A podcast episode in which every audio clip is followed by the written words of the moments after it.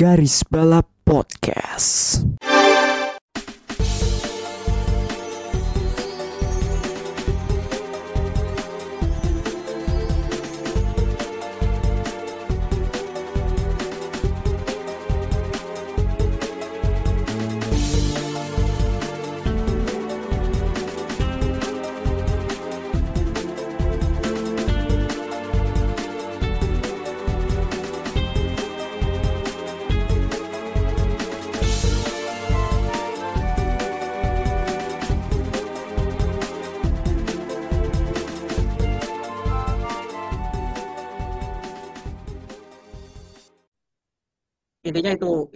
Menjelang akhir tahun ya mungkin kita kaleidoskop dikit bebas mau apa aja serah dan ya ngidul so aja biarin ya, aja ngalir ngalir ngalir ngalir ngalir mm-mm. aja kenapa Tapi so far nih ya, kita udah rekaman udah berapa ratus episode ini. Terus kita sedikit throwback lah untuk tahun ini kita udah so far udah berapa nggak tahu kita udah rekaman berapa puluh episode gitu kan. Dan so far yang menarik apa Gus sepanjang kita rekaman? I mean yang paling sebenarnya yang paling untuk tahun ini sih yang menurut gua udah tercapai sih yang yang Lemang sih Lemang edisi ada ajatan sih kayak ada segmennya tersendiri gitu Hmm. ada ada beberapa hal yang emang bisa berjalan dengan baik ada juga enggak? Banyak sih ini ini episode kita banyak dari kita hitunglah eh, dari awal Januari 12 Ah, apakah itu Spotify waktu Rap kita ya? waktu itu masih episode 86 sekarang itu berarti episode 131 berarti kita udah berjalan di selama 5 eh enggak eh, 40 tuh 45 Wow, produktif ya kita. Ternyata 45 episode dalam waktu satu tahun. 45 episode dan itu sebenarnya juga udah cukup angka yang sangat sangat sangat impresif bisa kita bilang. Sementara kalian itu catatan kita tuh berapa kali? Absen berapa kali break? Berapa kali break Itu udah berapa kali break kita? It ya itu gua nggak bisa itu lah pokoknya intinya. Eh dan kalian tuh debut di episode 47 bicarain F2 F3 berarti kalau dibandingkan episode yang sekarang 131 berarti kalian sudah menempuh sem 86 Wah, Ki, kita bentar lagi 100 episode, Ki. tahun depan lu 100 episode kalian dah capek Wah, Ki, ini kayaknya kita harus siap-siap nih. Apakah kita follow apa coba Balik lagi ya, tapi kalau sebenarnya ini sebuah achievement juga ya buat kita ya, terutama apalagi kita-kita yang udah bekerja gitu kan. Bagus dengan Hmm. menjadi eh juru berita, was it proper word, wartawan, ah ah udahlah oh, oh jurnalis aja wartawan jurnalis meskipun aja. gua Oke, bisa siap. meski meskipun gua gua nggak tahu apakah gua oh Mel. Silakan Ay, dicek. mantap. Oke, udah? Oke. Sudah kawan. meskipun meskipun meskipun gua nggak bisa menyebut diri gue sebagai jurnalis karena emang gua masih minim banget pengalaman lah. Reporter lah, reporter. Oke. reporter I don't think it apa ya it sounds like that. Gue gue gue lebih ke jurnalis atau wartawan lebih suka nyebutnya ya meskipun gue juga nggak bisa menyebut diri gue as a jurnalis karena emang gue masih perlu belajar soal itu. Mm-mm. but ya tahun ini tuh apa ya pertama kali gue kerja sih. Dan seperti yang Melinda bilang achievement sih buat kita yang udah kerja kerja ini masih bisa konsisten di apa konten lah meskipun putus-putus. But ya eh, kita nyempatin diri untuk ini apa sih namanya merekam gitu kan tapping Iya. live tweet bahkan kalau kita ada nobal kita nobal gitu kan Rifki di Jogja gua di Jakarta jadi eh di balik kesibukan emang kita kalau emang ada momen yang enak sih emang ya kita akan sempatin gitu itu sih palingan Mm-mm. kalau untuk tahun ini ya Hah, Heeh. Ya, aku juga sama sih kayak heeh, masih kayak amazed gitu sebenarnya tuh kayak eh despite kita punya kerjaan yang super sibuk gitu kan, lu yang bolak-balik eh, ice gitu kan, terus gua yang aduh, bolak-balik ke lapangan gitu, ke kebun, si aduh, gue Rifki inget-inget juga momen dengan drama-dramanya, drama-drama di kampus. inget-inget. Iya. Aduh, gue inget-inget inget itu lagi kayak gimana gitu. Ya, yang saya ketiduran pas waktu tapping. Ya, saya ingat itu.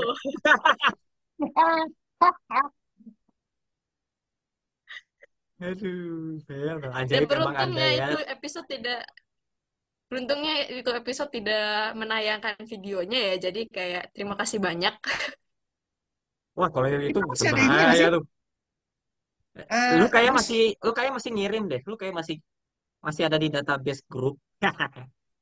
Anjing. Bisa sih kita keluarin siang, Gus. Bloopers gitu kurang ajar loh. Kita bisa keluarin nggak sih, Gus? Pas ya, Ya, enak aja loh. Melinda. Pas keluar Melinda bisa lah kita kita keluarin lah. Kan kebanyakan kan ya, kalau misalnya bikin konten kita ya, terutama eh, dalam ruang lingkup konten kreator, pasti kalau misalnya udah kesibukan kita bakal stop, Mm-mm. totally stop gitu loh kayak karena emang kesibukan. Iya. Tapi kalau dari diri gue sih no, I'm not stop uh, uh, dan gue nggak gue nggak akan berhenti Uh, karena gue emang dari awal emang bangun Garbal emang pengen men-share apa yang gue suka yaitu motorsport Ya. dan berkaitan Iya. dengan itu dan itu udah buat committed dari awal juga dari gue bangun ini dan juga ya kalau lu udah bangun sesuatu lu mesti ingat kenapa lu mulai membangun itu? Jangan Mm-mm. sampai dengan lu kesibukan lu ini lu berhenti gitu. Gue gue gue gue punya prinsip begitu sih kayak kalau ada momen di mana gue bisa untuk share berita dan lain nge-share berita dan lain-lainnya eh, info materi ya gue akan sempatin. Cuma untuk saat ini mungkin ada keterbatasan waktu dan emang gue butuh istirahat agak sulit. Paling ya untuk saat ini share soal sedikit-sedikit shit post sometimes juga ada berita buat breaking newsin Eh, jadi ya gue kangen sebenarnya kangen untuk nge-tweet soal trade lagi bikin trade dan lain-lain karena itu Mm-mm. sangat it it sounds really fun gitu dan Hmm. ya itu sih gue gue gue yang gue kangenin dari Hmm. diri gue yang saat ini gue bekerja dan menyambi sebagai konten kreator gue pengen melakukan itu. Dan semoga saja untuk tahun depan bisa seperti itu. Dan sebenarnya juga ini agak disayangkan sih untuk tahun ini meskipun kita punya kesibukan dan lain-lain ya tapi Garbal gue sebenarnya tahun tahun 2023 sebenarnya pengen gitu rutin eh, untuk selalu nge-publish video di YouTube but karena kesibukan kita masing-masing lagi-lagi Ya, eh, agak sus agak sulit. sulit. tuh untuk untuk bisa terrealisasi lagi gitu Kadang Hmm. kadang gini sih ketika, ketika kayak ada waktu tapi badan tuh udah terlalu gemuk gitu untuk garap apa pun itu kayak Betul. udah pengennya Eh, sama sehat iya sama sama tuh.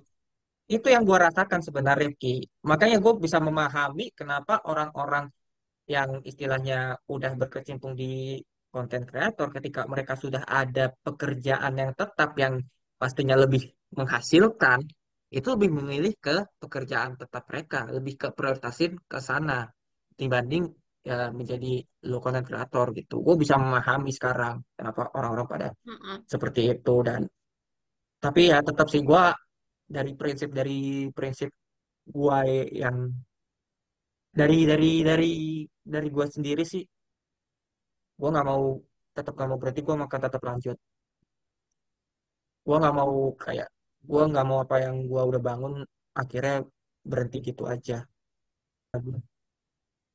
itu sih dan ini tuh udah udah mulai rekaman gak sih? ah, Udah udah mulai udah udah ya? udah udah Oh, udah udah udah si anjing.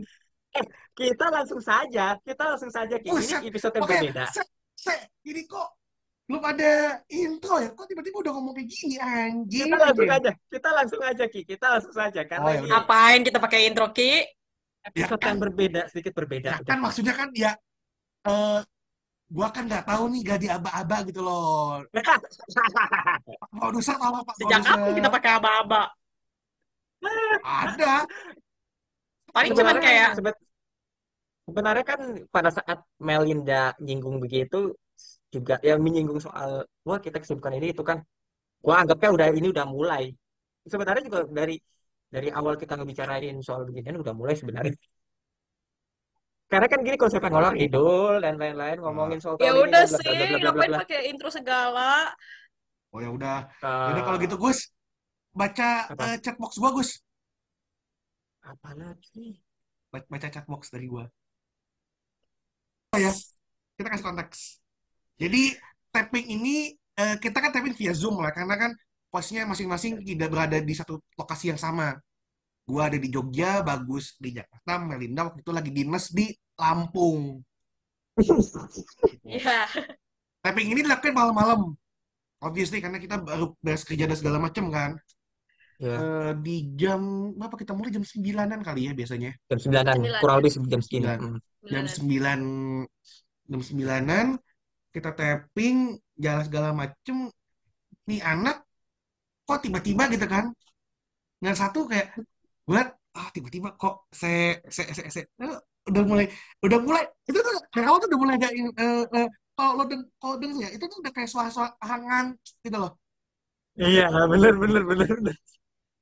kalau pikiran jahat gue sih kayak kayaknya ini habis mabok deh gitu kan. Tapi nggak mungkin gitu kan nggak mungkin. nggak mungkin nggak mungkin nggak mungkin. Seorang Melina nggak mungkin mabok. Eh, Mel- seorang Melinda Lastri itu gak mungkin mabok. Amin Ayang tuh gak mungkin mabok cuman ya eh, kok agak-agak teler gitu kan Nah, tiba-tiba kita udah mau se- sepertiga akhir lah ya sepertiga part akhir. Pokoknya kalau lo pada dengerin episode itu di akhir-akhir itu cuma kita berdua aja. Gua sama si. Bagus bener. itu ada Pokoknya se- yang anak satu udah KO eh, oke. Langsung gua screenshot gua kirim ke grup kita simpan jadi arsip timestampnya kayak masih ada deh nih nah gua cek dulu ya nih timestampnya masih gua kayak masih ada nah, kayaknya kita lu masih waktu itu mas pas bahas Ferrari itu si Melinda masih ada suaranya. Pas bahas Mercedes Red Bull udah nggak ada. Udah gak kuat gue itu, udah gak kuat serius itu, gue udah gak Iya kuat udah udah karena nggak ada. karena eh gue posisinya itu ya bener gue lagi dinas ke Hmm. Lampung, gue Hmm. tiap hari itu gue PP satu jam pakai mobil Hmm. eh bolak-balik dari hotel tempat gue nginap sampai ke eh, posko kantor cabang eh, kantor cabang gue di yang di oh ya si Lampung. Iya. Itu gue PP tiap hari belum lagi ditambah gue ada acara turun ke lapangan gue harus ke kebun buat ngecek kondisi lap, apa kondisi tanaman di sana terus gue harus mengawasi eh, staff-staff untuk melakukan eh, training gitu kan di sana. Karena gue di sana untuk training juga gitu. Jadi ya lu bayangin gue selama hampir 11-12 hari gue selama di Lampung itu gue PP pulang pergi satu jam dua jam gitu kan. Eh itu dari dari tempat hotel ke posko kayak gitu terus. Ujung-ujungnya gue tumbang juga gitu kan. Tidur gue karena perjalanan itu cukup menguras tenaga juga gitu. Perjalanan itu rasa sangat melelahkan. Menyedihkan. betul. Eh, tapi gue salut. Eh, dalam artian eh, sama kita semua ya masih kerja tapi masih kayak tetap nyempetin meskipun pada akhirnya ketiduran. Eh, jadi ya tapi ya tapi ya itu sih kayak kayak merelakan waktu dan tenaganya sih tenaga sisanya untuk untuk untuk tapping gitu kan. iya Tepuk tangan lah untuk kita semua lah, tepuk tangan tepuk tangan. Kakak, lu mulai kerja kapan kan? gua Gue lupa bulannya ah bulannya. Gua bulan gua start kerja itu tuh di kantor gua yang sekarang itu eh gua gua start sebagai magang ya. Gua start sebagai magang itu gua bulan Juni. Oke. Juni terus gua eh gue diangkat jadi full time itu sekitaran September. Run sampai sekarang. Momennya pas banget ya pada saat bulan Juni, pada saat gue dikontrak ya. Heran, hebat. iya Ya banget iya kan gue juga kan? kayaknya Kayak kontrak kita dalam kontrak kita berdua kayaknya berdekatan jauh beda deh Gus iya nggak begitu berbeda. Eh, soalnya kan Mm-mm. gue mulai tuh mulai probation kan Maret ke Mei. Mm-mm. Juni kontrak, lu mulai kerja kayak ada. iya iya Gue heeh. udah jadi kontrak, lu yang kerja Mm. sekarang. iya Lu yang ngerasain gue masa-masa gue juga gitu eh ya sedikit cerita sedikit lah ya gitu. Jadi tuh sebelum aku di hire gitu kan, di hire magang, magang dulu kan gue startnya itu gue gue full time-nya lewat jalur magang ya, bukan lewat itu eh, yang lain gitu. Lewat jalur biasa, Ya. gue lewat jalur magang. Hmm. eh jadi tuh gini, eh apa? Sedikit cerita aja ini ya, kayak dulu Hmm. tuh gue eh jadi tuh sebelum seminggu sebelum offering letter itu kan gue ulang tahun Hmm. tuh Hmm. gue ulang Hmm. tahun terus gue bilang ke teman gue gue bilang gini Hmm. eh gue mau kerja gue capek nganggur wak wak wak gitu di chat di chat sama Iya. temen gue gitu. gue mau Heeh. hadiahnya gue mau hadiahnya adalah kerja gue capek nganggur Heeh. gitu Heeh. seminggu kemudian gue dapet offering letter Oke, Hmm. Oke. mantap mantap mantap. enggak Mantap, mantap, mantap, mantap. seminggu dua hari kemudian gue dapet uh, offering letter gue langsung sign Iya. Lanjut, Mel. Lanjutin Mel, langsung hah Hmm. lanjutin. Lanjut. si anjing For, ya for gue konteks aja sampai kita sekarang menirukan kita menirukan tidurnya Melinda. Kayaknya kayaknya ya eh, kita akan simpen arsip ini, foto ini. Kita akan keluarkan ada pas antara dia mau jadwal kuning atau dia mau eh, ulang tahun. Ada dua opsi, Mel. Pilih yang mana? Nggak, dua-duanya boleh gak? Jadi lu bulan Juni kan, Juni lu di pas masa magang. Juni lu juga oh kakak, bukan ya? Mm-mm. Oh, berarti emang lepas aja. Iya ngepas aja gitu. Jadi kayak abis itu kan Lo langsung eh wis- apa lulus kan? eh, enggak gue lulus kan Maret kan itu tuh. Gue Oh iya, wisuda, wisuda itu gue Maret. Eh wisuda lagi Oh iya. apa? Eh, lulus. lulus lulus itu gue Lulus, lulus, lulus. Maret. Iya lulus Maret ya. Karena gua ingat karena pada saat pas banget sama kayak JAW. Itu aja gue gitu. Iya. Hmm. Ya kalau kalian misalnya tahu gitu kan apa yang ngefollow aku di bot di Twitter dan di Instagram aku pernah ngupload tiga story bahwa eh ini dua bikin kartu ucapan udah kayak obituari. Itu adalah salah satu mahakarya yang sangat-sangat terbaik. Oh jelas, jelas. Oh enggak, sebenarnya kalian bikin dua versi kan? Satu yang Oh ada, obituari, satu yang kampanye. Tapi yang di ACC kan Yang diupload yang sama aku adalah yang versi kampanye karena yang obituari jelek banget. Oh jelas. iya. Kayaknya kita mau Yang bikin di ala ACC di. ACC sama sama admin Ayang kan yang am- kampanye.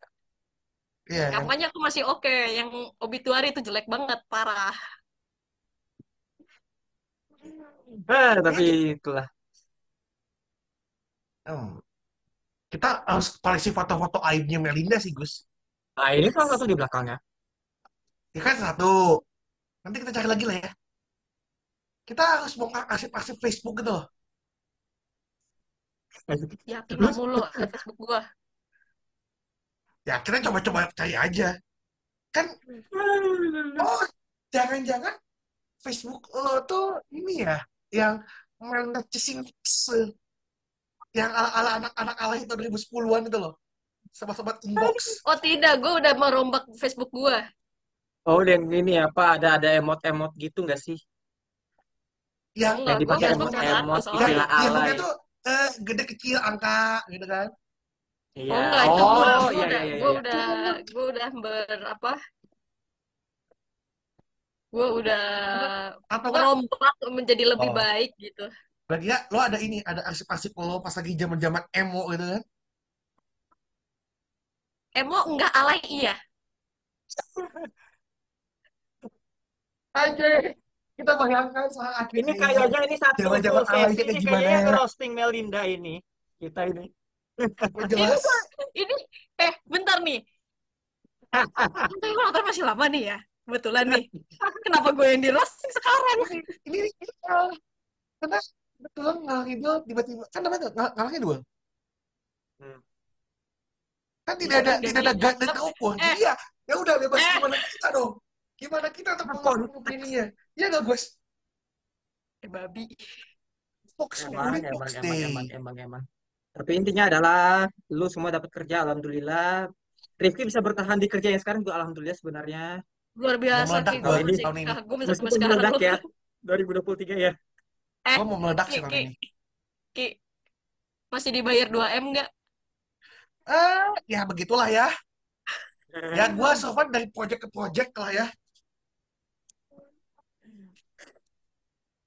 Cobalah. tapi nggak apa-apa tapi nggak apa-apa tapi nggak apa-apa ya siapa tahu tahun depan gua dapet rezeki yang lebih Gua juga alhamdulillah dari Amin. dari kantor gue bisa din gue bisa berangkat kerja dinas ke Singapura walaupun itu mendadak dan sendirian ya. Hmm.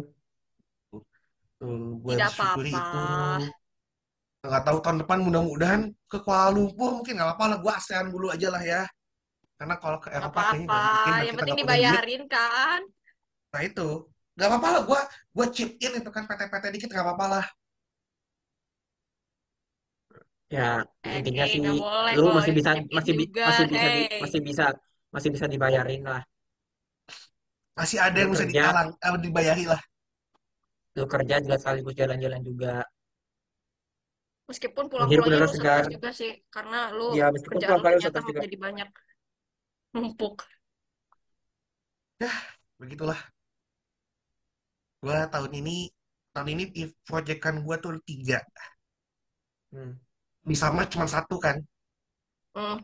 Ya. pas nih November Desember anjing nih Kenapa tuh? dua sekaligus dua proyek sekaligus dalam jangka waktu berdekatan Eh, yang satu ngurusin conference yang satu ngurusin winter course hmm. jarak dari dua event ini gak, gak nyampe seminggu Mantap.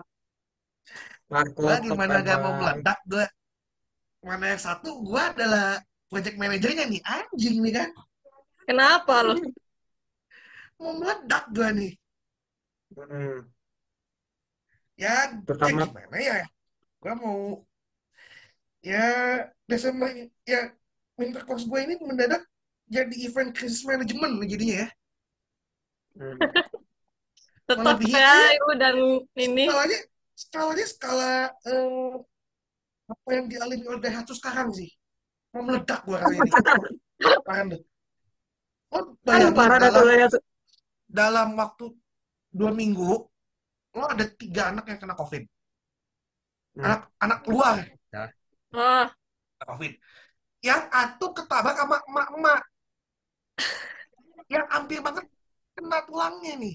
Ya anak oh my god. Oh, gue ngilu banget dengernya. ya lo bayangin nih ini anak satu kena eh apa sih yang step buat ini lah yang buat apa penumpang Pijakan motor kan motor lah, pijakan motor. ah. pijakan motor itu Pijakan kan motor buat penumpang. Hmm. Penumpang kena ke tulang kain ngebut gua gua tuh lagi jalan mau ketemu sama nih anak kan kita mau makan bareng tiba-tiba gua lagi nyetir itu kan ceteng satu satu dulu nih ada anak satu kena covid lagi oke. Gua diem dulu. Nanti kita akan kita akan diskus nanti pas lagi makan. Santai. Ceteng kedua ada anak kecelakaan. Dalam waktu yang berdekatan Gus. Mel bayangin. Gua dua kabar buruk dalam waktu yang berdekatan. Gua tuh mau makan siang doang anjing. Habis itu ya gua kayak ya udah gua langsung kadang kadang ngebut tiket gua ngejar ke PKP gitu kan gua bawa anak ini ke puskesmas yang kecelakaan turns out Heeh. mas ini apa ya gue dikasih ini lukanya udah ter- apa lukanya dalam puskesmas gak bisa ngejahit cuma bisa terbanin aja. Harus dibawa ke IGD ya udah. Bawalah gunting dulu IGD mana nih enaknya nih yang ada yang gak rese buat asuransi. Ya udahlah temu. Berangkatlah kita. Ya lumayan lah ber- sampai sore hari dan kalau Hmm. eh gue pernah upload juga di story itu kan gue sore-sore Hmm. ada di rumah sakit Iya. foto foto-foto depan rumah sakit nah itu Iya. dengan dengan pose gue udah melas Tuhan apalagi ini Eh, kayaknya ya momen-momen apa sih itu dalam berdekatan gitu kayak emang lu pasti akan menyangka bahwa lu dikutuk. oh jelas. Gue bulan ini tuh gue bulan dikutuk. Ya udah mah event event gue banyak banyak krisis lah ya. Tes manajemen gue sakit tepar. Hmm. ada Eh, yang kemarin lu ada tepar, ya. ada slight indication kemungkinan gue covid. Tapi gue nggak tes. Ada slight indication lu makin stres kan. gue eh, beberapa hari terakhir ini sempet diare gak stop non stop kena diare bolak balik habis makan apa emang? itu gue nggak tahu udah apa gue juga bingung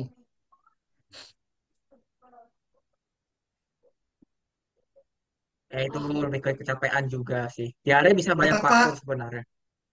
betapa terkutuknya gue di bulan ini kan Iya. Iyalah. ayo kalau mau kita adu mekanik bisa nih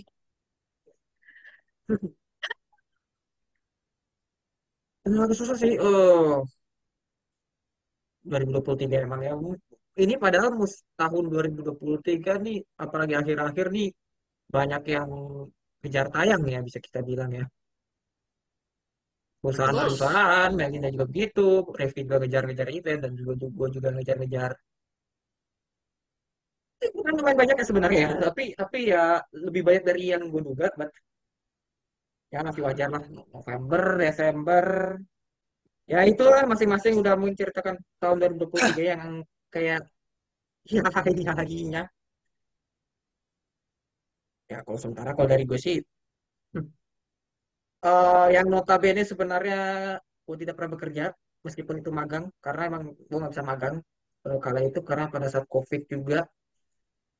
Dan this is my first experience di, di dunia kerja gitu eh, untuk tahun ini dan dan dalam hidup gua sejak bulan Maret.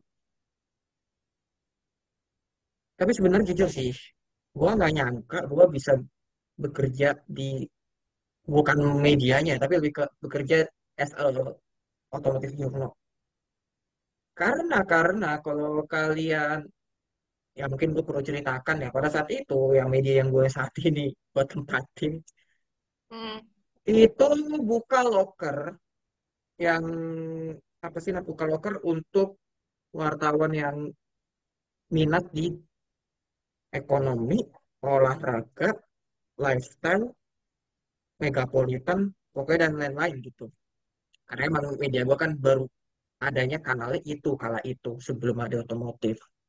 Iya. Gue coba lamar. Sebenarnya gue itu itu juga atas rekomendasi teman gue, teman gue juga di situ.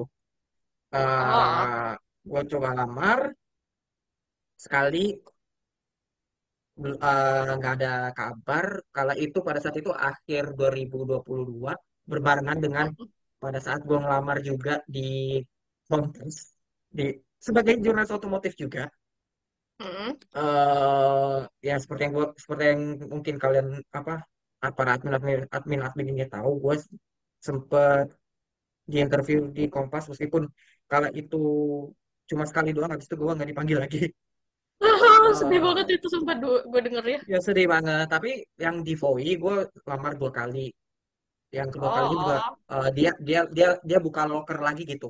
Kayaknya emang oh, ah, emang kala itu emang buka buka loker dua atau tiga kali gitu kalau mereka. Ah, pada akhirnya akhir Januari banget se- setelah sebelum atau setelah 24 Hour of Daytona ya gue lupa kayak setelah deh. Itu gua di itu ya kayak jauh ada dari situ interview itu ya. lagi nggak sih? ya ya interview pertama dapet. Di Voi kala itu sama pemretnya langsung juga gua di interview interview berjalan dengan ya mulus pada saat Februarinya seket, pada saat Februarinya gue sedikit di ghosting nggak ada kabar dan lain-lain eh, Hmm. mengenai interview gua mengenai kerjaan dan gua saat itu juga dalam masa di mana gue bener-bener apa ya di apa ya mengambang lah bisa dibilang lah gua Mm-mm. eh, kayak digantung bisa kita bilang kayak Mm-mm. gua mau gue kerja penganggur jadinya gitu Februari kalau Mm-mm. itu dan pada akhirnya Februari akhir Februari gue dipanggil lagi dipanggil lagi dua kali interview sama harusnya yang yang Februari yang pertama itu harusnya gue sama pemretnya ngomongin soal gaji tapi ternyata pemretnya nggak bisa ada ada halangan ya udah sama wak pemretnya. Wak pemretnya pengen tahu gue gimana bla bla bla bla. Lancar. Terus akhirnya Mm-mm. interview ketiga akhir Februari sama pemretnya ngomongin gaji bla bla bla bla bla. Selesai. Cek- singkat cerita gue mulai Maret eh, mulai kerja. Mulai Maret. Ya sebagai fresh grade perta- per- fresh grade yang baru perdana ya merasakan dunia kerja sih pada awal-awalnya emang berat sih. Berat banget ya Mm. ya kalian kalian mungkin yang eh, udah kerja mungkin rasakan lah ya awal-awal kerja itu seperti apa Iya. nggak tahu apa yang harus dilakukan dan harus ngapain dan bla bla bla bla bla ya singkat cerita debut perdana gua Gaikindo Jakarta Auto Week itu buat event pertama pertama gua Eh, kalau soal pertama kali gue diundang ke acara oleh pabrikan tuh Hyundai kala itu. Hyundai kala itu eh, buka ultra fast charging station di Plaza Plaza Indonesia. Di PI ya waktu itu ya? ya di PI ya. Itu perdana gue lah. Dua dua event itu perdana gue di SM Automotive Journal akhirnya melewati berbagai rintangan. April lebar apa April gua puasa untuk pertama kalinya gue juga hadir di beberapa event juga. Mei juga demikian. Dan akhirnya Juni gue dikontrak. Dan sejujurnya pada saat itu gue kalau itu gue pada saat gue masa probation gue masih kayak ada ada rasa khawatir soal soal ini gue beneran dikontrak kayak karena gue kepengen gitu meliput Gias. Pengen banget meliput Gias. Dan pada akhirnya Juni gue dikontrak which means gue bisa meliput Gias pada bulan Agustus eh Juni, Juli, Agustus, dan pada akhir Agustus gue sampai juga ngeliput Gias. Itu kalau nggak salah event event internasional pertama gue ya. eh meliput sebagai SM media, oh, sebagai orang media. Iya, iya itu yang pertama.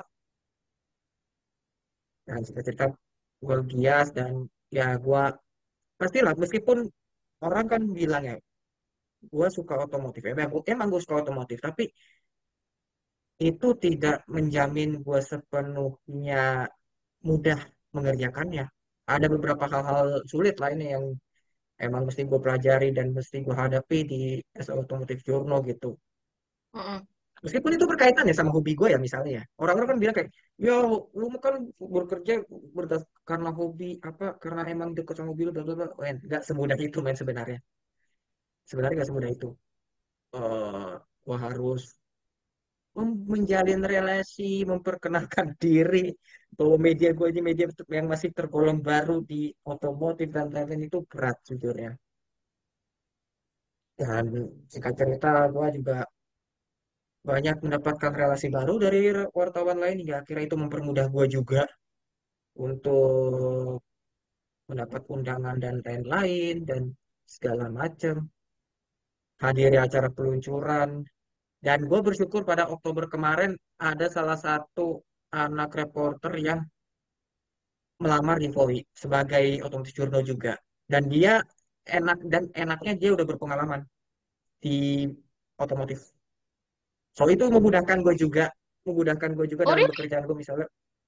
ya memudah dia dan perlu diketahui mungkin gue spill aja orangnya dia mantan pernah bekerja di auto driver dan mungkin kalian yang Ah, serius?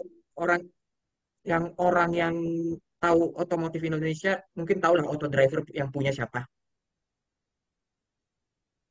Om Fitra Eri itu yang Gila. rasio udah kuat Eh, dia pernah bekerja di situ khususnya Fitra Eri dan dia masuk ke VOI pada Oktober dan sekarang ini ini tahun ini bulan terakhirnya dia eh, masa probation.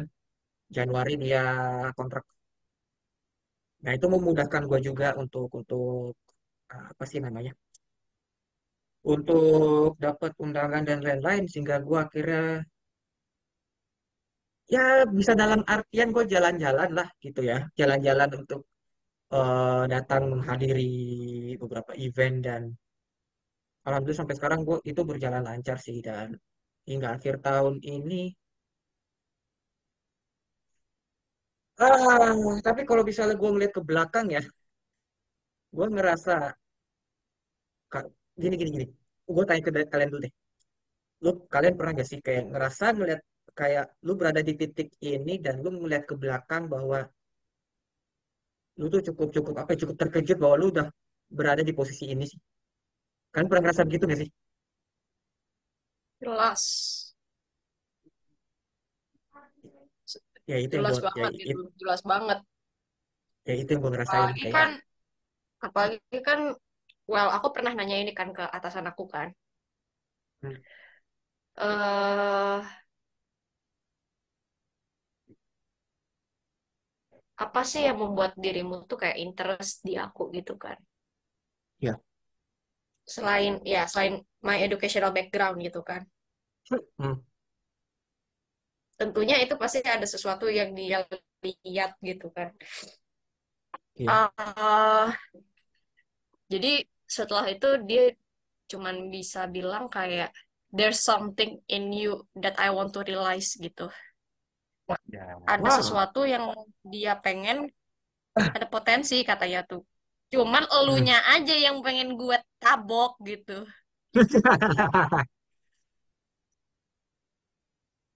ya Jadi ya paham sih katanya tuh there's something there's something I want to realize katanya tuh. Dan apa?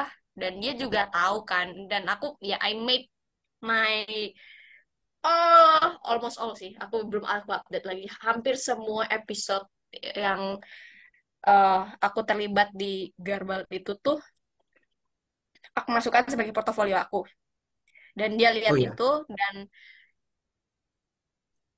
dan aku ngera aku menerima feedback yang sangat positif gitu dan ternyata eh mereka senang juga loh gitu. Ternyata eh eh, apa ya?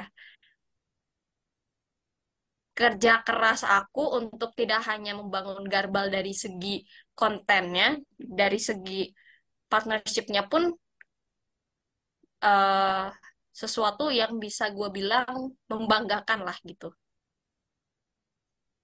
Ya iya kita kita sendiri juga gak menyangka kan kalau misalnya kita bakal tembus, was it sepuluh ribu gitu kan, sepuluh ribu followers gitu. Sekarang aja udah berapa Iya. nih? Sekarang aja masih udah hampir 13 mau em, ti- 13,4 lah Eh, sayang sekali ya eh, emang kita nggak belum bisa nyembus 15 Iya, padahal eh, kita ribu karena emang tahun ini 15 ribu ya Gus, 15-20 ribu. ya emang emang menurun sih dibanding tahun lalu sih memang ya tapi ya Iya. ini apa ya susah sih kita mau bilang bahwa gue susah buat buat kayak apa ya bahasa kasarnya ya? Mengeluh mungkin bisa dibilang mengeluh karena kita nggak nggak nyembus ke 15 karena emang kita kondisional juga karena kalian juga punya prioritas lain. So gue juga punya prioritas lain. Jadi ya agak susah sih. Eh, kalau dari gue sih Iya. sebagai orang ini sih kayak ya agak agak agak sedikit tidak begitu puas gitu loh. Bukan tidak begitu puas Yap. sangat tidak puas but Mm-mm. ya gue masih bisa paham gue masih bisa paham kenapa kita begitu kenapa kita jarang bikin konten dan lain-lain itu sih Em, tapi ya, nah ini sih template gue akhir tahun sih kayak gue kilas balik lagi awal-awal tahun kayak gue tuh belum apa-apa gitu. Itu selalu berkali-kali bertahun-tahun gue selalu begitu kayak anjir gue masih hidup aja deh, nggak akhir tahun udah bers- udah apa ya se- sebuah prestasi bagi gue gitu loh. Kayak gue yang tadinya nggak nyang jujur gue nggak nyangka seperti yang tadi gue singgung gue nggak nyangka gue bisa jadi otomatis otomatis serius gue nggak mendaftar diri gue nggak eh meng apa sih namanya nge-request bahwa gue pengen jadi otomatis jurno tapi dari dari pihak medianya lu jadi reporter otomotif jadi kayak wow bekerja berkaitan dengan apa yang gue suka gitu. Dan emang ya seperti yang kalian Mm. udah tahu lah dan gue udah singgung beberapa kali di Garba gue suka mobil. Suka mobil dalam artian gue seneng lihat mobilnya ya suka sama suara bla bla blanya gitu loh. Bukan suka Mm. dalam arti gue akan macari enggak. Ya gitu tapi intinya adalah eh, nggak nyangka sih. Dan gue percaya mah rezeki mah nggak ada yang tahu sih rezeki datang nggak terduga sih. Bagi gue itu udah sebuah rezeki sih. Seperti admin magang yang dapat rezeki untuk dinas ke Singapura. Seperti admin admin ayang yang eh, dinas ke Lampung. Seperti gue yang eh, kerja liput di Gias gak ada yang tahu. Ya siapa tahu gue mungkin musim apa tahun depan gue bisa bisa ngeliput di luar negeri who knows gitu kan kita nggak ada yang tahu Amin, gitu kami tahu. yang serius, Amin. kawan. Amin biarkan aja saja gitu Amin aja dulu. gue tahu gue tahu arahnya ke Amin situ eh gue tahu arahnya ke situ Amin, amin aja dulu. meskipun demikian ya banyak lah pasti kita perlu cobaan lah seperti admin magang yang yang cobaannya pada saat event. Melinda yang juga pada saat apa namanya cobaannya mungkin tidur pada saat lagi eh, nugas. Pada saat di tengah-tengah taping aduh gue masih ketawa Bukan lagi. nugas itu tuh saya lagi ada keperluan. ya ada ada keperluan. Aduh tapi intinya adalah ya. Ya, tapi ya balik lagi kan waktu itu kan kayaknya pas waktu kamu uh, lu turun pertama kali ke Gias tuh pas sebagai presnya Voy ya itu. Itu juga apa barengan juga kan waktu itu kita ketemu juga kan Gus di sana di Gias tuh. kali doang Kali itu ya. cuma berapa detik doang Iya, lu kan lagi jalan ke media ke media room ya waktu itu ya. eh gue dari media room media room gue di atas Oh, di, media room di, di at- di atas. atasnya oh media room gue media room gue di atas dan itu masih atas lagi eh gue waktu itu mau lantai jalan ke Lantai dua kan? nyebutnya lantai apa ya? Pokoknya naik lift naik lift lagi. Lantai tiga berarti ya? Lantai tiga. iya lantai tiga. Jadi ya kalau misalnya ada undangan ada acara dari pabrikan yang istilahnya lagi di tengah acara gias gue mondar mandir. Iya. oh belum. Eh, belum lagi. Belum lagi pada saat Harmin eh, apa Harmin lagi apa pada saat awal-awal ha- awal-awal gias tuh aduh padatnya. Gua harus bingung gua ngeliput yang mana dulu nih soalnya banyak pabrikan yang Banyak yang itu kan. nggak ini barengan gitu loh. Soalnya semuanya menarik gitu ya. Peluncuran mobil baru yang pertama kali di Indonesia. Bahkan kayaknya nggak ada peluncuran facelift deh. Kebanyakan peluncuran mobil baru. Kia EV9 Honda CR-V generasi terbaru eh, apalagi tuh oh paling ini Wuling Almas Hybrid itu facelift itu ya itu itu facelift Oh ya. paling itu paling Wuling doang Wuling terus apa lagi tuh banyak lah pokoknya peluncuran-peluncuran mobil baru BMW XM ah tapi sumpah jelek tapi depan grillnya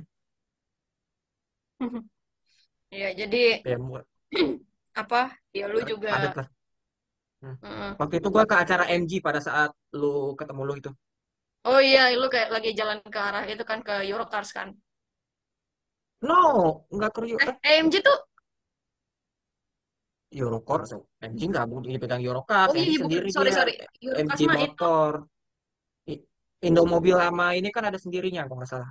Iya, ada Indomobil B- sendiri. BMW BMW sendiri, Indomobil sendiri. Mm-mm. Iya, iya, gue Itu ingat. lumayan dan itu lumayan jauh ya, bapak-bapak, ibu-ibu. Jauh sih, gila dari lo. Gue juga ingin satu itu hmm, capek. gue gue pada saat awalnya kayak, hmm, bisa nih gue mau mondar mandiri, bisa nih. Pada saat lihat lihat terjun langsung kayak enggak deh. Kayaknya, kayaknya nih Gus ya, lu lu invest invest di jam kayak gini. Lu- Pas nanti pas lu gias nanti lu coba cek lu berapa ribu step sehari. capek banget itu. Makanya nih ber- bersyukur banget nih gue ada reporter baru dah yang bisa meringanin gue. Jadi gue nggak harus ke data ke setiap merek-merek. Jadi ada yang ngeringanin juga. Tapi emang emang jauh sih, jauh itu dari eh, dari hall ke hall itu jauh itu. Jauh sih itu Gus jauh. Ya, Mm-mm. gue aja pas waktu ke sana sama Lucky Way juga jauh anjir. Meskipun itu bukan pertama kalinya gue ke Kias ya, tapi emang udah Iya lama kan itu gue juga ke bukan pertama kalinya. Gue hampir se- ah, gue se- ham- mulai sekarang ya kayak hampir tiap tahun gue kayaknya ke Gias ini. ya terakhir kali gue ke Gias kan juga tahun lalu 2022 eh, pas lagi Iya. masa-masa pandemi lagi menurun itu. Mm-mm. Kayak gue tuh meremehkan, meremehkan apa sih itu namanya tempatnya ICE, ICE BSD, gue meremehkan itu banget lu. Gus. Eh, tapi Gus, udah ya udah ya udah. Apaan? eh, kalau gua boleh tahu, eh, apa di antara selama ini lo eh, apa reportase gitu kan, selama lo ikut ini eh, event motor launching atau ap- apa pun, event apa tahun ini yang paling berkesan buat lo dan kenapa? Waduh, susah tuh. Hmm, Gias mungkin kayaknya udah pasti lah ya, cuma mungkin di luar itu. Eh, mungkin ev- mu- mungkin gue mungkin lebih ke event an- ini ya pabrikan kali ya, lebih lebih menantang Mm-mm. kayaknya. Ya boleh. Hmm, asik lagi gue. Saking banyaknya gue agak lupa. Ya mungkin peluncuran Honda Accord. Oh, Eh gue lebih ke lebih ke seneng aja sih, seneng aja yang lihat Honda Accord terbaru tuh meli- melantai di Indonesia tuh gue seneng banget.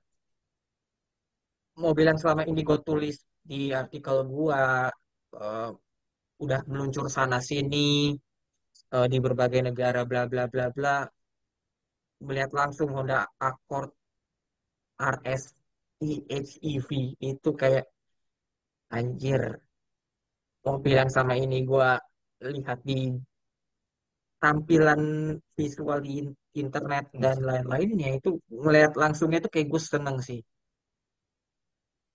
Dan Honda Accord emang bagus sih cakep emang. Honda Accord terbaru ini emang ya mungkin agak lebay ya mungkin one of apa mungkin yang terbaik dari segala Accord sih menurut gue ya. Iya, harganya juga terbaik sih Gus. iya itu satu M ya 400 juta. Anjing, anjing, pas lo kirim itu, pas lo kirim harganya itu kayak anjing. Tapi tapi tapi jujur Gus, kalau lu optimis nggak dengan harga segitu pasti ada yang beli. eh lu jangan lu eh gini aja Pak kalau menurut gue ya, kalau menurut gue ya, eh, Accord itu pa- pasti Honda juga pasti memasang harga juga bukan bukan apa sih namanya bukan sembarang masang ya, meskipun nyari untung juga, bat ya. Mereka pasti kan mengincar pasarnya kan pasti kepada pelanggan yang emang ah nggak masalah soal harga gitu, Hmm. atau pelanggan yang mementingkan yang atau ah, pelanggan yang emang setia sama Honda, atau terutama pelanggan yang emang setia sama Accord sih. Lebih lebih tujuan ke situ dan pasti ada ada pasarnya pasti di Indonesia. Accord Hmm. namanya udah terkenal gitu loh kan. Dari beberapa tahun kan di Indonesia mulu pasti ada yang yang yang minat. Mobil yang BMW aja Pak, ada pasarnya gitu. Oh. Dan ini cukup ambis juga sih dari Honda sih. Kayak mereka tuh ngincer ngincer pak apa namanya pengen narik narik para apa narik eh pelanggan yang bermobil Eropa untuk Accord ini. Karena emang, karena emang Accord memang dihadirkan di Indonesia yang baru itu emang tujuannya emang lebih ke situ dan tapi emang mobilnya bagus sih mobilnya bagus. Tapi harganya emang ya emang hampir satu M ya. Susah juga. Berapa sih? sebenarnya gua nggak tapi sebenarnya meskipun meskipun gua nggak kaget harga hampir satu M. 950 sekian mili eh, juta. Eh itu juga cuma satu varian doang. Yang gue salut tuh emang kon- apa akordnya di Indonesia cuma dihadirkan varian hybrid aja mereka nggak mer- Oh, meluncurkan ICE ini ya. Yang eh. ice, yang ice enggak itu, yang bensin. Mereka cuma cu- mereka cuma hybrid. Mungkin mereka ngelihat bahwa hybrid di Indonesia tuh pasarnya lumayan luas nih apa lumayan terbuka. Apalagi dengan kemunculan si RV yang kebanyakan tuh varian hybrid yang laku. Oh ya itu yang hybrid kemarin itu aku juga iya. dan sih. mungkin mungkin yang mung- mungkin yang bisa gua ini mungkin yang gambling dari Honda adalah Hmm. seperti yang kita tahu pasar sedan tuh sekarang udah mulai tipis. Menipis sekali. Dan dengan beraninya Honda memasukkan Accord ke Indonesia yang sedannya sedang menipis. Ya bisa gue simpulkan ya Honda cuma memasarkannya model Accord emang karena emang untuk pelanggan setianya Honda atau emang untuk orang-orang yang emang nggak bermasalah dengan duit. Kayak bukan kaum menang bending sih gitu. Ya jelas lah. It, Iyalah. itu Tapi ya itu pas pas gue lihat harganya ya agak bikin kaget sih. Iya. Hmm. tapi emang di, di luar itu emang Honda emang ajaib emang soal harga Civic Type R satu koma berapa M aduh Semua bener-bener dah gue semua harga mobil sekarang tuh Nah, udah masuk akal loh. emang emang Emang. Emang Apalagi gitu ya sih Pak Honda Honda apalagi sih memang memang itu Mm-mm. mohon maaf banyak banget tuh mobil harga mobil Honda yang baru yang gak masuk akal gue. iya betul sekali Kayaknya dulu dulu dengan uang segitu tuh udah, udah dapat lebih tuh loh. bisa bisa Mazda aja sekalian gitu kan maksudnya Iya, lebih Iyalah. gue aja tergoda sama Mazda loh sebenarnya. Direktor. Iya Mas Mazda tuh Mazda juga pasar Mazda tuh sebenarnya juga ngarah ke situ ke pembeli yang bukan apa namanya bukan yang mendang-mending lebih ke pembeli yang emang peng apa namanya nggak mementingkan nggak terlalu mementingkan duit sebenarnya. Iya, sebenarnya kalau Mazda tuh lo nggak pengen luas lah nggak luas. pengen pengen pengen mobil Jepang nih ya, tapi rasanya kayak Eropa. Itu Mazda iya CX-5 tuh terutama. Uh, woi. Tapi kalau nggak salah indennya sebulan dua bulan ya CX-5 Iya, tuh. Iya. impor tuh doi. sumpah gue tuh pengen pengen banget test drive Mazdanya bos apa pimpinan gua anjir. Baru beli kan CX-5 kayak ya? Aduh gue tuh kayak kayak "Mbak, boleh gak aku test drive? Pengen tak pengen Hey, tak bawa? Enggak lah. Hey, bukan gitu caranya. Pengen tak supirin aduh Nah, mbak boleh gak aku, aku disupirin gak apa-apa aku wes gak mau aku wes ikhlas gak usah dibayar apa-apa aku pengen nyetirin mobil ini ini mobil saya pengen betul. Nah, begitu. Mbak, Mbak capek kan abis rapat lama nih ketemu sama ini atau atau ya mungkin Mbak lagi bete gitu. Udah nggak apa-apa, saya aja yang setirin. Saya mah gampang pulangnya. Mbak emang Cia, tapi emang mbak harus mbak, gua akui mas. Mbak kalau mau ngopi udah pada kita stres mikirin orang tanggung yuk sama orang selingkuh mendingan kita ngopi bareng yuk. Tapi ya di luar itu ya. Mazda emang harus gua akui bahkan untuk bahkan eh, model entry level levelnya kayak Mazda 2 sedan, Mazda 2 hatchback itu masih enak disetirin loh masih enak. Untuk dikemudikan. Masih masih enak loh presisi loh itu ya memang ya memang harga ininya memang agak-agak inilah ya ya ya emang mereka tuh kan emang filosofinya kan menghubungkan antara apa menghubungkan relasi antara pengemudi dengan mobil kereta itu tidak hanya sekedar omongan belaka sih. Mazda bener-bener memantapkan itu di mobil mereka sih. Hyundai Itai, namanya katanya disebutnya. Eh, Oh terus God. mungkin yang ke mungkin yang kedua mungkin Mazda CX-60 itu mobil bagus emang CX-60.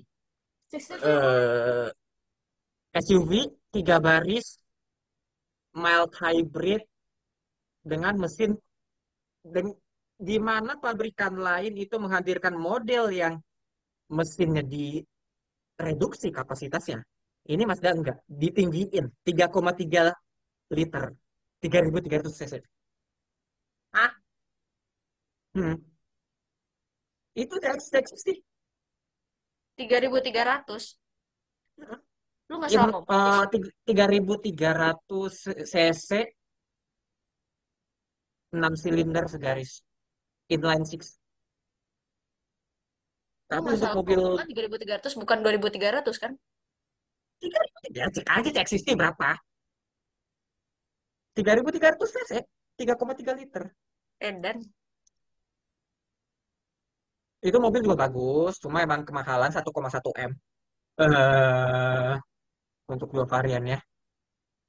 Eh dan emang kelihatan ya dari sini kelihatan bahwa Mazda emang mau rambah ke ranah premium, semi untuk saat ini kan semi premium. Mm-mm. Mungkin yang kedua itu, mungkin yang terakhir antara peluncurannya Mercedes yang kemarin itu tujuh mobil emang bangke. Eh atau Yaris Cross. Kalau Yaris Cross tuh karena lebih ke ini sih, lebih ke perdana melihat peluncuran mobil di pabrikan secara langsung sih. Ah, Iya.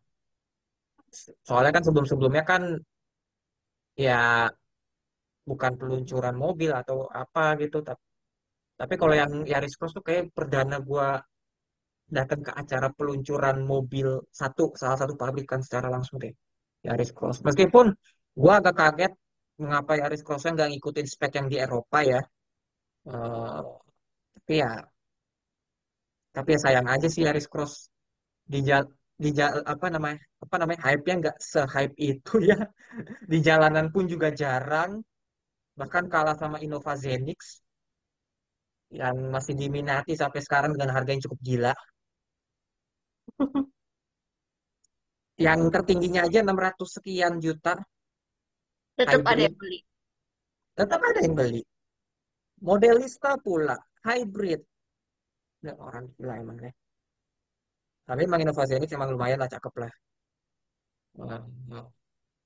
Dan Yaris Cross juga ya sayang sekali hype-nya nggak begitu se-hype itu ya. Dibanding HRV atau kereta masih lebih jauh HRV atau kereta. Bahkan Om Moda 5. Jadi mungkin ya itu sih menurut gue yang paling cukup berkesan sih bagi gue ya yang yang yang sebagai otomotif jurno. Maaf Daihatsu, Anda tidak saya masukkan karena Anda belum meluncurkan model lagi dan ternyata Anda terlibat skandal ya. Eh, tapi gue nggak nggak habis pikir sih sama. Tapi gue tapi emang kali gini aja sih.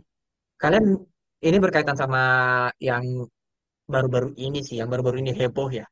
hmm. soal Daihatsu ngeluarin apa namanya soal Daihatsu pengakuan salah satu orang Daihatsu yang mengatakan bahwa tindakan dari apa sih namanya skandal manipulasi uji tabrak ini yang telah dilakukan yang ternyata telah dilakukan selama 30 tahun sebelum kejadian sebelum hal ini diketahui kalian melihat Daihatsu gimana sih? To be yang honest, gimana gimana sih kalau gua to be Nah, gimana honest ya, gimana ya? image yang an- ter- tertanam di otak gue nih ya, ketika gue mendengar kata Daihatsu, Toyota versi kaleng. Oke, Iya, gue lebih ke mobil murah dari yang termurah sih. cheap affordable kan cars. affordable car juga. Tapi masalahnya mungkin di saat di untuk hal ini kalau ada harga ada kualitas kayaknya cukup berlaku juga karena emang eh meskipun ada beberapa mobil Daihatsu yang enak ya kayak misalnya mungkin Sirion dan lain-lain Sirion ataupun Rocky tapi ya kayak misalnya Sigra itu kan suspensinya keras ya. Seven seater termurah but not for quality wise not of, not not recommended untuk mobil LCGC. Eh tapi ya kalau menurut gue ya ya itu sih sebenarnya. Gue lebih nggak nggak gue sebenarnya so- apa ya gue bahasanya ya, kaget nggak kaget sih. Kagetnya adalah ini udah dilakukan selama 30 tahun. Hmm. nggak kagetnya adalah kalau yang nggak kagetnya ya nggak heran mereka mementingkan harga murah. Kayak itu juga meredu sekaligus mereduksi eh, kualitasnya juga. Itu sih palingan. Padahal kalau mau bicara Daihatsu sebenarnya ada yang enak Sirion juga Sirion menurut gua tuh aduh salah satu mobil yang paling nggak nggak nggak nggak masuk nggak masuk ke radar sih agak disayangkan hype-nya ya. kalah bisa dibilang agak kalah sama model-model Daihatsu lainnya kayak misalnya Rock bahkan Rocky bahkan ya ya mungkin karena hampir bertabrakan sama I, sama Ayla meskipun nggak dalam satu segmen tapi ya Sirion Sirion Sirion bisa dibilang salah satu yang inilah salah satu enak tapi nggak yang paling laku sayang sekali. Itu sih dan. Kalau mau ngerosting lagi gue mau ngerosting apa lagi ya? Tapi sejujurnya ya nih ya, ben- gue sangat menunggu kasus ini dijadikan bahan eh, case study untuk perkuliahan. Kayaknya akan sangat menarik itu Mm-mm. akan sangat menarik itu Gue menunggu itu siapa pun yang ingin menulis jurnal atau apa pun itu tag me in. Gue pengen baca. gua gua ngelihat gua kan ngelihat ini kan laporan data laporan yang di ini yang gua share itu soal investigasinya sih hasil investigasinya Hmm. ya kesalahan yang basic sih menurut gue sih menurut gue basic dalam dalam hal memproduksi mobil kayak lu nggak ternyata diketahui mobil produksi mobil tidak diawasi tidak dan ternyata itu mobil juga dikejar deadline. Ya mungkin gue bisa paham ya kenapa mereka dikejar ke deadline karena emang permintaan Daihatsu cukup meninggi. Ya untuk mobil affordable affordable car it means ya demandnya tinggi gitu. Jadi bisa gue bisa di satu sisi gue bisa kayak hmm oke kayak masuk akal tapi ya nggak gini juga sih kayak apa eh, nggak di nggak ngerjain mobil pas dikejar deadline sih. Kayak itu bakal bakal mengurangi kualitas mobil itu sendiri dan itu yang membuatnya ada skandal ini. Salah satu faktornya itu. Banyaklah faktor-faktornya sih. Eh bisa panjang gue jelasin tapi intinya adalah ya ada harga ada kualitas lah untuk Daihatsu dan gue menanti nih reaksi selanjutnya Daihatsu seperti apa dan yang pasti jangan percaya rilis Bang, bang. jangan Seperti siapa? Seperti siapa? Ya, gue sih nyinggung-nyinggung aja sih. Ah, ada obrolan antar komunitas lah. Kayak dia tuh pengen menjadi si yang paling a satu gitu kan. Berdasarkan eh, apa namanya rilis yang gue terima dari TAM, dari TMIN, terus dari ADM, dari teman-teman yang lainnya. Wih, teman-teman jurnalisnya banyak. Wih, begini, gini, gini, gini. Katanya nggak masalah. Jadi nggak bakalan seperti Dieselgate. Hmm. Oh, Pertanyaannya oke. adalah pertanyaannya adalah yang yang kala itu ya mungkin Cak Nu dari Sembala tahu ini Eh, yang jadi pertanyaannya adalah di obrolan itu kita nyinggungnya soal yang globalnya Sementara yang dia singgung itu soal soal produk yang dijual di Indonesia, yang jelas tentunya berbeda. Dan yang kedua adalah apa yang ATPM kemukakan mengenai di tengah di tengah huru hara yang terjadi di Daihatsu dan Toyota, pasti sebagai perusahaan, sebagai perusahaan yang terdampak nih, lu ngapain? Ya, manage di, di, di, di situasi lah, kontrol narasi. Itu. Gak mungkin kan lu uh, ditul apa lu memberitakan hal yang akan membuat citra perusahaan lu buruk. Iyalah. Iyalah. Blunder besar itu namanya. Itu aja. Kalau misalnya, oh nggak ada apa-apa, ya berdasarkan rilis yang mereka terima, yang kita terima dari mereka, iya nggak ada apa-apa karena emang kita dapatnya dari rilis perusahaan yang terdampak. Wajar begitu mereka bersuara seperti itu, is a PR movement.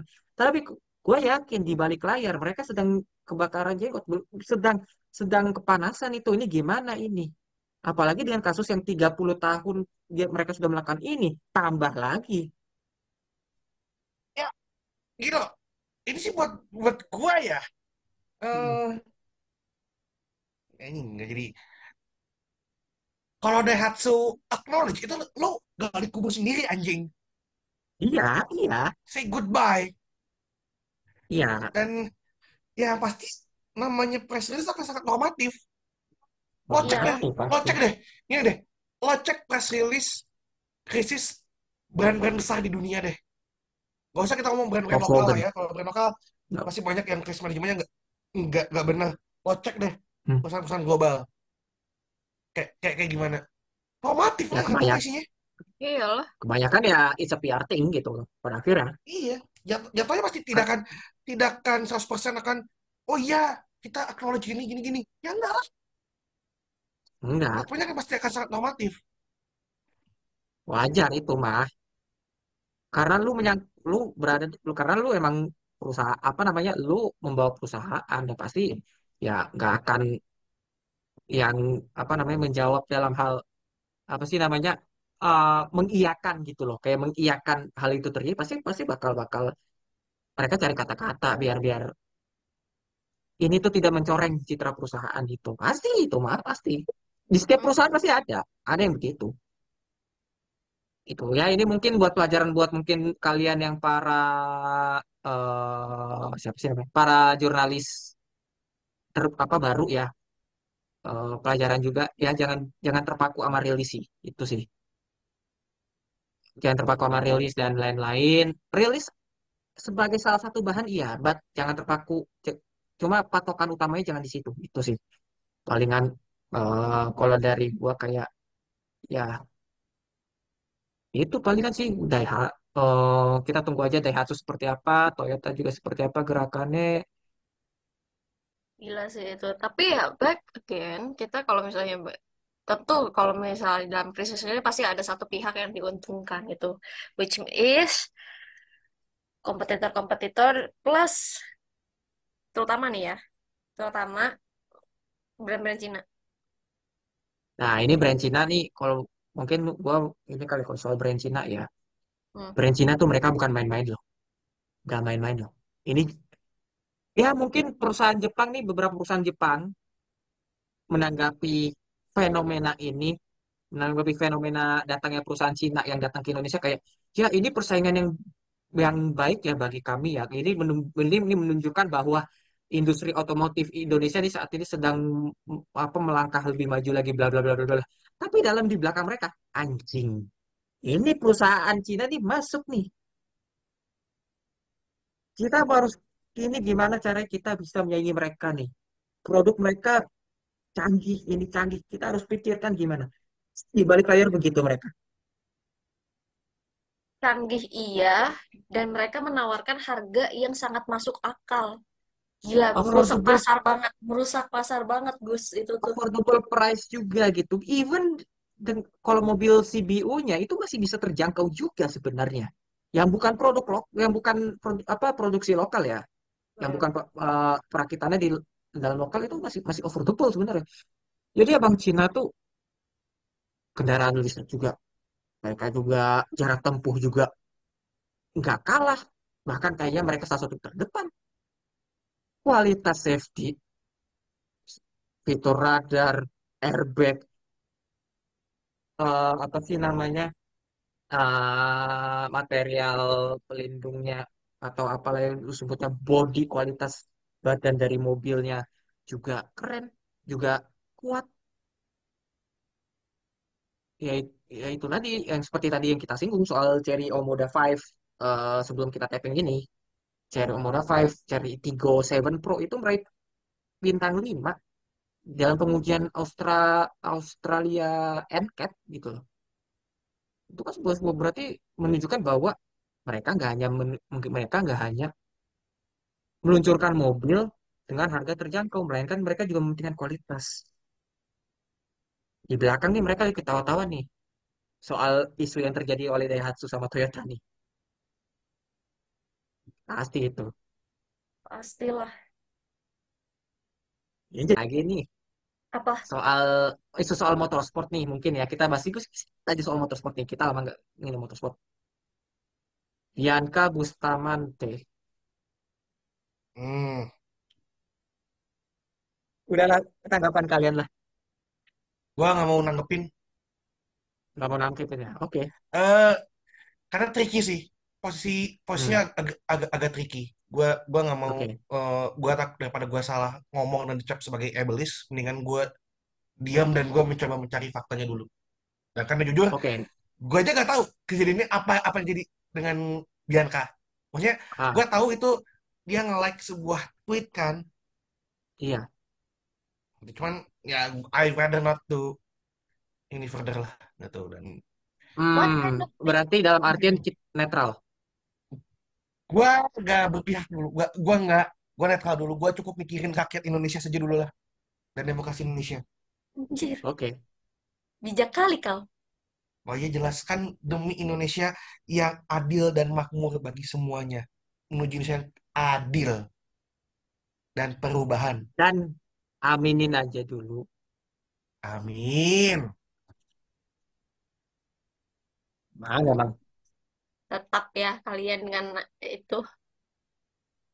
tapi emang itu menimbulkan huru hara emang ya meskipun itu nggak nggak begitu perlu juga gue nggak gue nggak tahu eh gue juga Konteksnya sampai saat ini kayak to be honest? Hah? Gue gagal, gue nggak paham dengan konteksnya apa sih sebenarnya dia tuh. Dia nge-like tweet soal, ini apa sih namanya eh ada orang yang awal-awalnya tuh kalau nggak salah dia itu ada salah satu tweet dari orang dari akun ya kata yang ya, akun fans F1 lah bisa kita bilang itu menganggap Bianca itu overrated. oke. Nah, terus ada juga ada juga yang terus lalu ada salah satu akun yang kayak nge-quote nge-quote tweet itu eh nge-quote tweet itu dengan eh apa sih namanya? Kayak apa sih namanya? Kayak ngebandingin nama Lance Stroll dan lain-lain dan bla bla bla bla ya lah pokoknya Oh, yang itu. ya gitu. Yang Lance Stroll yang fans ini bilang bahwa Lance apa Lance Stroll ini ya gue nggak mau nyebut lah pokoknya intinya itu. Nah dia nge-like itu. Nah gua gua kalau gue sih kalau dari gue ya Hmm. eh ya gue gue juga sebenarnya juga sebenarnya gak bisa berpihak sih karena emang eh mungkin emang pada saat itu emang ya biar ya anak muda who knows gitu kan dia eh, suka kelepasan suka dalam tanda kutip apa sih namanya eh naif bisa gue bilang kayak terpancing emosi sehingga akhirnya nge-like tweet itu masalahnya. Kenapa gue bilang eh, dia nge-like nge-like apa bi- apa nge-like itu dengan bisa dibilang sengaja karena emang tiga kali dia nge-like tweet itu. Tapi di Oh satu iya. sisi gue paham sama Bianca. Di satu sisi gue paham sama Bianca karena emang ya anak muda lu terbakar emosi. Bahkan di usia-usia kita ini juga masih melihat tweet itu juga kadang ngerasa emosi gitu kan. Hmm. ngerasa ngerasa terpacu gitu. Jadi kayak di satu sisi gue juga paham kenapa Bianca begitu. Ya intinya sih tapi ya di satu sisi juga gue jangan Bianca jangan terpancing. Kalau kalaupun emang benar kalaupun emang benar dia emang nggak sengaja nge-tweet nge-like itu ya nggak masalah tapi kalau misalnya ya dia beneran sengaja melakukan itu dia kan apologize karena karena hal itu kan Iya. ya wes itu aja sih dan di luar dari itu salahnya dia apa enggak gue pengen lihat dia di F- F1 Academy seperti apa Betul. dengan backup dari McLaren di tim ERT Heeh. Tapi seriusan nih, Hmm. apakah Bianca akan terkena cancel? dari lihat-lihat ininya aja iya Iya. cuma nggak tahu Dalam ya artian, ini bakal dalam ke artian McLarennya gimana ya Nah, itu, itu maksud gue karena the one thing that kayak I kayak- always eh, hate, that I hate about hari ini ya, kota hari ini kayaknya jadi jadi ada udah ngomong ada daki-daki nih. Hmm, Itu cancel culture sebenarnya. Lo gak ngasih kesempatan orang untuk, oh iya, gue salah, gue belajar dari sini, gitu loh. ya udah udah klarifikasi juga Ya mudah-mudahan itu cukup berat, tapi ya dis semoga aja itu insaf Ya, ya itu sih udah pasti ya. Cuman, again, kadang kita nggak tahu, kadang kan mereka this driver came from quite a spoiled background ya. Ya Nggak tahu apakah mereka akan belajar atau nggak, tapi I hope that she learn from it. Yang pasti jangan sampai kena cancel sih. Jangan sampai, jangan sampai kemudian eh karena ini lo langsung di cancel sebegitunya. iya karena itu Kayak nggak ngasih ruang untuk orang ini tuh belajar dari kesalahan, let them rebuild themselves loh. hmm. Let them ya learn from mungkin kasih mistake. Ya mungkin kasih kesempatan kali ya kayak Kalau mungkin kalau misalnya misalnya emang ini udah udah repeat offense baru, ngerti nggak? Iya, Kalau iya. ya dia, ya ya, ya. dia terus-terusan buat kesalahan itu ya, ya monggo lah, mau cancel atau gimana bebas itu. Hmm. tapi masalahnya ya Tapi memang memang memang ini ini, ini jatuhnya emang harus case per case ya ngelihatnya ya dalam dalam hmm. ngejudge sebuah kasus itu emang perlakuannya buat menurutku ya itu nggak bisa sama, Hmm. nggak bisa nggak bisa pukul kata sama harus digini. Lo harus lihat dulu, ini orang udah pernah ngelakuin kesalahan kayak gini belum? If re- continue repeating it, ya udah gitu loh baru lo ini dan tergantung pada kesalahannya apa sih iya ya kalau kalau sebatas nge karena emosi gitu kan nge-like sebuah TikTok atau gimana karena lo banyak emosi. Nah. Oh ya berarti artinya lo coba kontrol yourself more itu loh iya. That- ya maksudnya apa yang gue bilang ini tidak- apakah terus tak kalau dia bilang oh kalau gitu kalau ada yang memperkosa gitu gitu nggak nggak berarti cancel. Ya itu beda kasus lah gitu loh Hmm. nggak bisa dipukul rata ya benar bisa pukul rata itu tergantung pada kesalahannya apa dulu nih yang lo perbuat apa yang mancingnya. Baru lo bertindak dari situ dan dia terpancing karena emang ada yang bilang dia tuh overrated dan ya ya lu lu paham. Kalau misal dari sisi pembalap kayak di, dibilang gitu juga kayak ini apaan sih? Kayak ya iya. Men gue gue gue gue gue pembalap tapi belum gue pembalap yang sedang mem- me- ini meniti karir loh. gue tuh Rintis, iya. ya tapi tahu-tahu dicap overrated kayak apa sih? Gitu loh. Di satu sisi se- sebagai pembalap ya itu juga agak keganggu juga sebenarnya. Ya again it's kayak kayak kayak apa one gitu loh. one of ya ini yang gua kenapa gua paham kenapa, kenapa sekarang orang punya banyak second account. Iya. Pertama buat buat atlet tuh buat lu sih untuk untuk punya that private account yang udah lu cuman nggak just you and your friend loh in, in your close circle. Mm-mm. it, it, it, itu itu resiko sebuah resiko yang didapatkan yang harus dihadapi oleh figur public public fig- figur public figure. Ya soalnya kalau di akun utama juga ya, Jangan dong. oh jangan oh itu oh yang if utama. one thing atau enggak yang ini eh, yang better adalah you hire social media ini admin Iya. Iya, yang megang akun utama lu, sementara lu mungkin megang akun second account lu untuk pribadi lu. Ya boleh lo, lo, lo pegang akun akun akun utama lo sekali-kali tapi nggak yang harus ini banget itu loh ya nggak nggak nggak seintens itulah pokoknya. Ya ya ya bisa sih gue paham.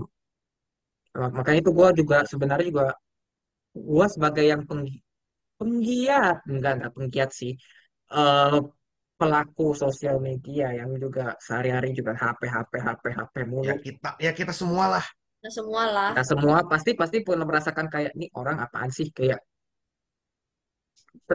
ada rasa pengen ter, ada rasa terpancing pasti itu mah kita pernah ngalamin itu nggak usah nggak usah eh eh, denial soal itu.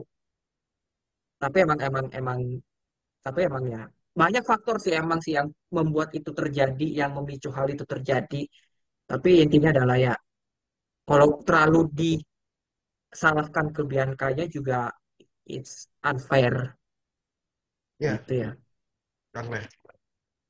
unfair Nah, sekali gitu ya it's ya, emang navigasi sosial media itu sangat-sangat tricky sih apalagi di zaman sekarang it's it's ya benar-benar literally trading the needle. Iya, iya, iya, iya. Oke, ini udah hampir dua jam, biarin aja. Ini ngobrol-ngobrol tidur.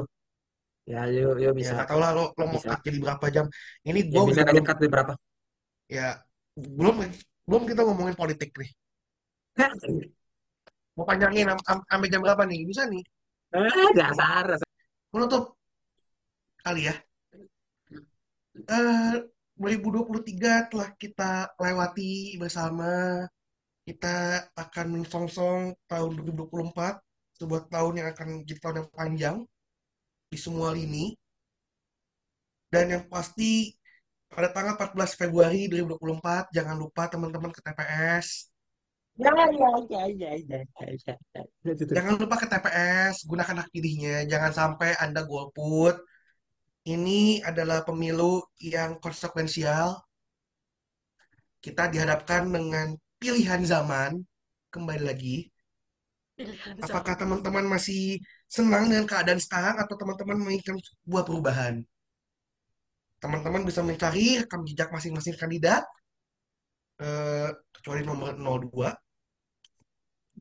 silahkan ditelisik silahkan dicari gagasannya idenya apa gagasannya apa apa visinya terhadap Indonesia yang akan ke depan. Yang pasti kita jemput perubahan bersama-sama. Amin aja dulu. Amin. Terima kasih.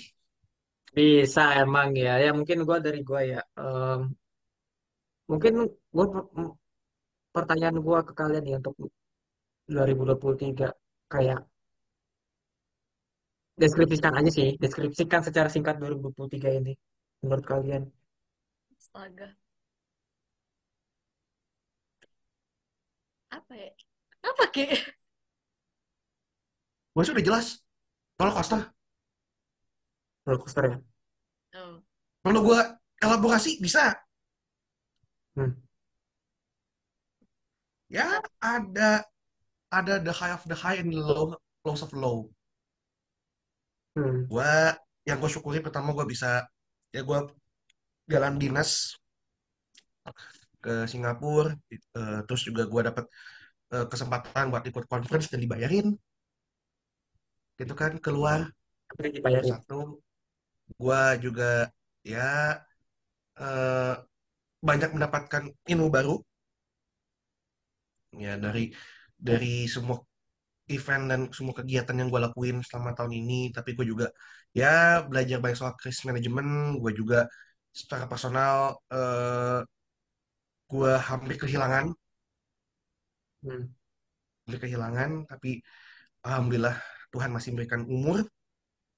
Hmm. gitu. Jadi ya ya bisa dibilang tahun yang cukup roller coaster lah tapi untuk bulan ini gue cuma mau bilang fuck you this month Melinda, silakan. Spesifik ya. Udah kayak itu. Terutama lu ilmu barunya itu ilmu P3K ya. ilmu krisis manajemen, ilmu batin, apa lagi? Ilmu kehidupan, lengkap. Anjay. Berat banget lu bahasanya anjir. Yang pasti sih, gue sih eh, 2024 menyebut kemenangan ya. Amin aja dulu. Udah mulai-mulai. Sial lucu lagi. Mulai kelihatan ya, mulai kelihatan. Ya Udah, silakan Mel. Em, apa ya kalau kalau gue emang ya bener sih kalau coaster gitu ya kalian juga been part of my big journey juga throughout this year gitu kan. Kayak lu pada tahu gimana gue stres ngurusin skrip apa tesis gue terus kayak apa terus dapat kado nyeleneh dari kalian gitu kan kado ucapan dari kalian soal eh, habis aku beres sidang tesis kemarin gitu. Ditambah juga eh apa drama-drama gak penting gitu kan. Drama gue mau lulus aja kapan nih gue akhirnya kan baru November itu gue baru di wisuda kan akhirnya gitu. Terus apa dari situ gue langsung kayak cuman selang sehari gue harus berangkat ke Lampung gitu kan. Selang sehari setelah acara kantor itu gue harus berangkat terus baru balik itu apa nih akhir akhir Desemberan gitu. Eh apa akhir eh eh enggak deng awal. Awal Desember gitu kan. Terus wah pokoknya emang emang roller coaster banget sih. But I learn a lot I learn a lot many things gitu kan. Banyak hal yang aku pelajari mulai dari hal yang nggak nyambung sampai ya, ya disambung-sambungin aja gitu kan. Kayak background aku HI ditambah dengan manajemen manajemennya bukan manajemen operation atau project aku manajemennya SDM kerjanya sebagai project monitoring evaluation sama learning. Makin gak makin ngaco kan itu. Terus eh side job aku adalah sebagai content creator motorsport makin gak nyambung-nyambung makin gak nyambung kan. Tapi ya overall I really enjoy this year sih. Kayak banyak hal yang belum ternyata tuh ternyata aku capable loh itu melakukan hal ini. Kayak sebenarnya bisa gitu. 45 episode tuh sesuatu yang menurut aku tuh achievement banget. Terutama setelah kita semua ini udah kerja gitu kan. Jadi I would say this is a very monumental thing for us gitu kan. Jadi uh, I want to give us gitu kan a round of applause gitu kan. Gitu a round of applause. Jadi uh, be proud of yourself gitu kan for this achievement. Karena it's not something that everyone can uh, achieve juga gitu. Especially in terms of consistency sih gitu. Ketika yang lain udah mulai pada berguguran kita masih thriving sampai sekarang Ya, mungkin kalau dari gua, kalau dibilang roller coaster, ya benar. Cuma gua lebih ke kayak Niagara aja. Niagara Kalian tahu kan wahana Niagara? Kalian tahu kan wahana Niagara di Ancol? Eh di Air Dufan ya? Dufan Depan. Naiknya lama, pada saat udah di puncak pas turun, wah, itu gua. Gue lebih ke itu sih karena ada momen di mana gua I'm I'm at my lowest point di tahun ini tuh. Eh, di mana teman-teman yang gua percayai yang benar-benar I believe with him atau with her or eh, atau kalian boleh menyebutnya apa itu secara tiba-tiba menghilang dan meninggalkan gua dan bla bla bla blanya. Tapi di satu sisi ya eh di satu sisi juga gue mendapatkan banyak rezeki ya. Di luar dari beberapa orang yang telah meninggalkan gue beberapa orang yang telah istilahnya udah ini seleksi alam. Di sa- di satu sisi ada rezeki di baliknya misalnya seperti gua yang tadi gua yang tadinya sulit dalam pekerjaan gue sekarang dimudahkan. Gue mendapatkan banyak narasumber kontak-kontak dan lain-lain dan dapat berelasi baik-baikan lumayan lah. Nggak banyak tapi ya oke lah gitu. Eh, dibandingkan awal-awal gua awal-awal kerja yang gue masih buta banget sama soal kerjaan gua sekarang kayak mulai oke mulai ada gambaran gua harus ngapain dan bagaimana dan gua juga selain itu juga teman-teman gua yang udah lama nggak gua ketemui bisa ketemu juga teman-teman SMA gua. Eh terus juga di tahun ini juga gue belajar banyak seperti misalnya gue dapet sih eh itu mempermudah kerjaan gue juga. Eh, terus apa lagi ya? Intinya adalah apa pun achievementnya sekecil apa pun achievementnya ya hargai itu dan plus pesan dari gue adalah lu kalau menantikan sesuatu hal yang baik lebih baik jangan diharapkan. Lebih baik lu bukan tunggu ya lebih baik lu kerjakan dan biarkan alam yang bekerja. Dalam artian gini eh seperti yang gue bilang gue kerjakan apa yang gue kerjakan saat ini tahu-tahu tahu-tahu gue dapet undangan buat misalnya ke peluncuran ini acara ini dan lain-lain. Itu udah rezeki buat gue itu udah rezeki buat gue dan bahkan seperti yang gue bilang di awal kan bahwa gue eh, mendapat pekerjaan sebagai otomotif jurno itu sebenarnya gue nggak duga gue bisa bekerja di situ. Gue nggak duga gue bisa bekerja sebagai jurnalis otomotif. Gue nggak nyangka nggak duga sama sekali. Tapi ya itulah rezekinya gue itulah mungkin jodohnya gue jadi kalau dal- dalam dalam hal ini ya gue tekankan bahwa rezeki nggak ada yang tahu sih.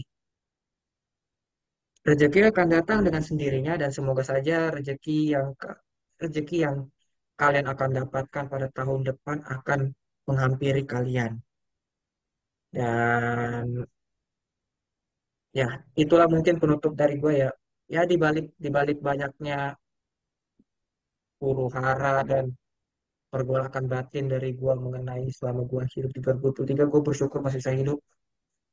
Eh, terus juga bersyukur masih bisa ada di sini hingga saat ini dan apa lagi ya? Hmm, ya. Mati satu tumbuh seribu bisa gue bilang kalau ada yang kalau kalau ada yang keluar dari kehidupan lu maka itu ak- maka yang masuk ke kehidupan lu akan lebih banyak. Itu dari gua. Oke mungkin itu aja mungkin. Terima kasih telah mendengarkan episode ini hampir dua jam ya hebat ya. Ini episode terakhir kita jadi nikmati saja eh, perdengar apa namanya mendengarkan episode yang penuh dengan eh ngalor ngidul ini dari ngebicarain soal karir kita masing-masing selama tahun ini.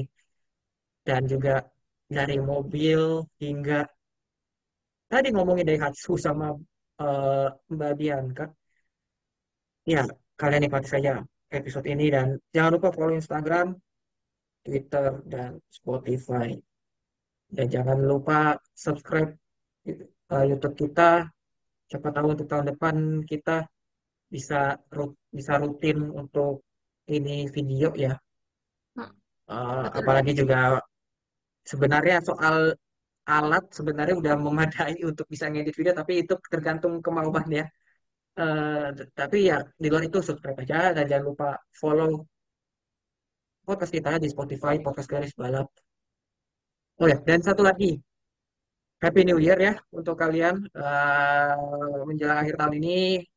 Selamat bersuka cita bagi kita semua dan uh, semoga tahun depan akan menjadi lebih baik lagi uh, dari dari tahun-tahun sebelumnya.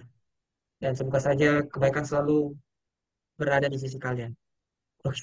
Mungkin itu aja mungkin dari kita. Gue bagus, Melinda dan Rifki untuk diri. Sampai jumpa di episode berikutnya. Gue ngantuk. Kita Doi. jemput kemenangan 2024. Buat tifosi, buat tifosi, buat tifosi.